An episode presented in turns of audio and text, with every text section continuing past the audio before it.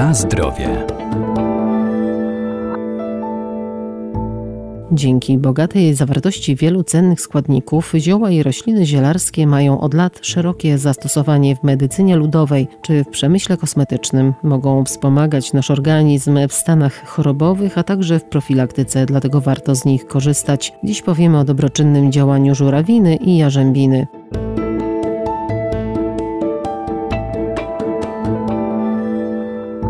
Właściwości lecznicze wykazują owoce żurawiny. To działanie przeciwzapalne, przeciwwirusowe czy antybakteryjne. Regulują ciśnienie, zmniejszają ryzyko miażdżycy i chorób układu krążenia. Są bogatym źródłem witaminy C, błonnika czy kwasu foliowego. Żurawina to też jest wprawdzie przede wszystkim owoc do przetwórstwa, do spożywania, ale też ma tak dużo witamin, tak dużo składników czynnych, że warto potraktować ją trochę jak zioło, trochę jak lekarstwo. Doktor ogrodnictwa Arkadiusz Iwaniuk. Bo mówimy na przykład, że żurawiny działają bardzo dobrze na układ krwionośny i to zarówno na serce, obniżają zbyt wysokie ciśnienie krwi, ale też działają bardzo pozytywnie na drobne naczynka krwionośne, uszczelniając je, wzmacniając, ze względu innymi na te pektyny, które zawierają na witaminę C, na inne składniki, no właśnie tutaj takie typowe dla żurawiny. I warto owoce żurawiny, szczególnie tej naszej,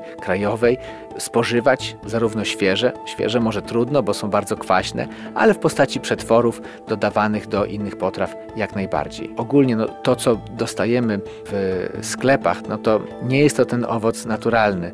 Ma więcej cukrów, nie ma tych wszystkich witamin.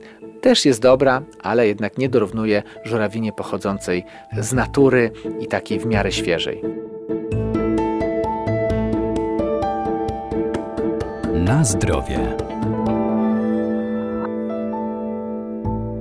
Jarzębina to także bardzo popularna roślina. Surowcem zielarskim są zarówno jej kwiaty, jak i owoce. Między innymi można z nich przygotować syrop, nalewkę czy konfiturę, a także napar jarzębinowy. Jarzębina, czyli fachowo ujmując jarząb pospolity, kojarzy nam się głównie jako korale czerwone, barwne, gdzieś jesienią czy powiedzmy późnym latem, ale no, nie tylko te korale są cennym surowcem zielarskim, ale również kwiaty. Jarzębina ma działanie moczopędne, przeciwzapalne i ściągające. Ściągające, czyli powoduje, że działa przeciwobrzękowo, że odtłuszcza, jakby można powiedzieć, odtłuszcza skórę stosowana zewnętrznie. Powoduje też, że łatwiej leczą się wszelkie rany, wszelkie wysięki ustają, naczynia krwionośne zacieśniają się, a więc przez to też stają się szczelniejsze. I właśnie kwiat jarzębinowy możemy już stosować jako surowiec zielarski, a jeśli nam to kwitnienie ucieknie, no to czekamy wtedy na pojawienie się owoców jarzębinowych, które też mogą być dodatkiem na przykład do konfitur,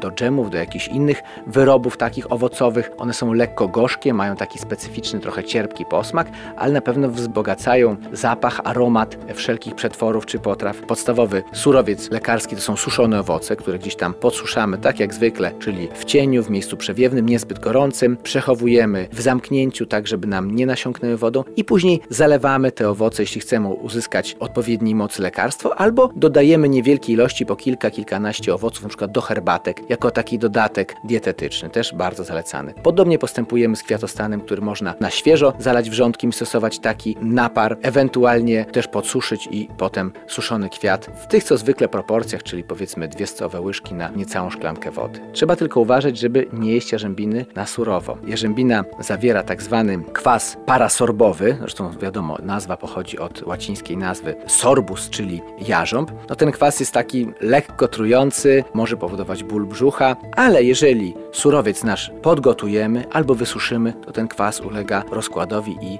nie szkodzi naszemu zdrowiu. Natomiast same owoce są świetnym źródłem witamin, przede wszystkim witaminy C, witaminy PP, a więc jest jak najbardziej polecany jako składnik, element diety.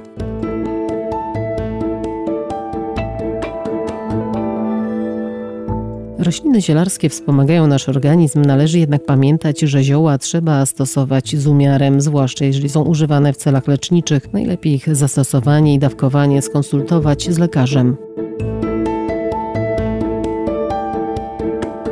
Na zdrowie.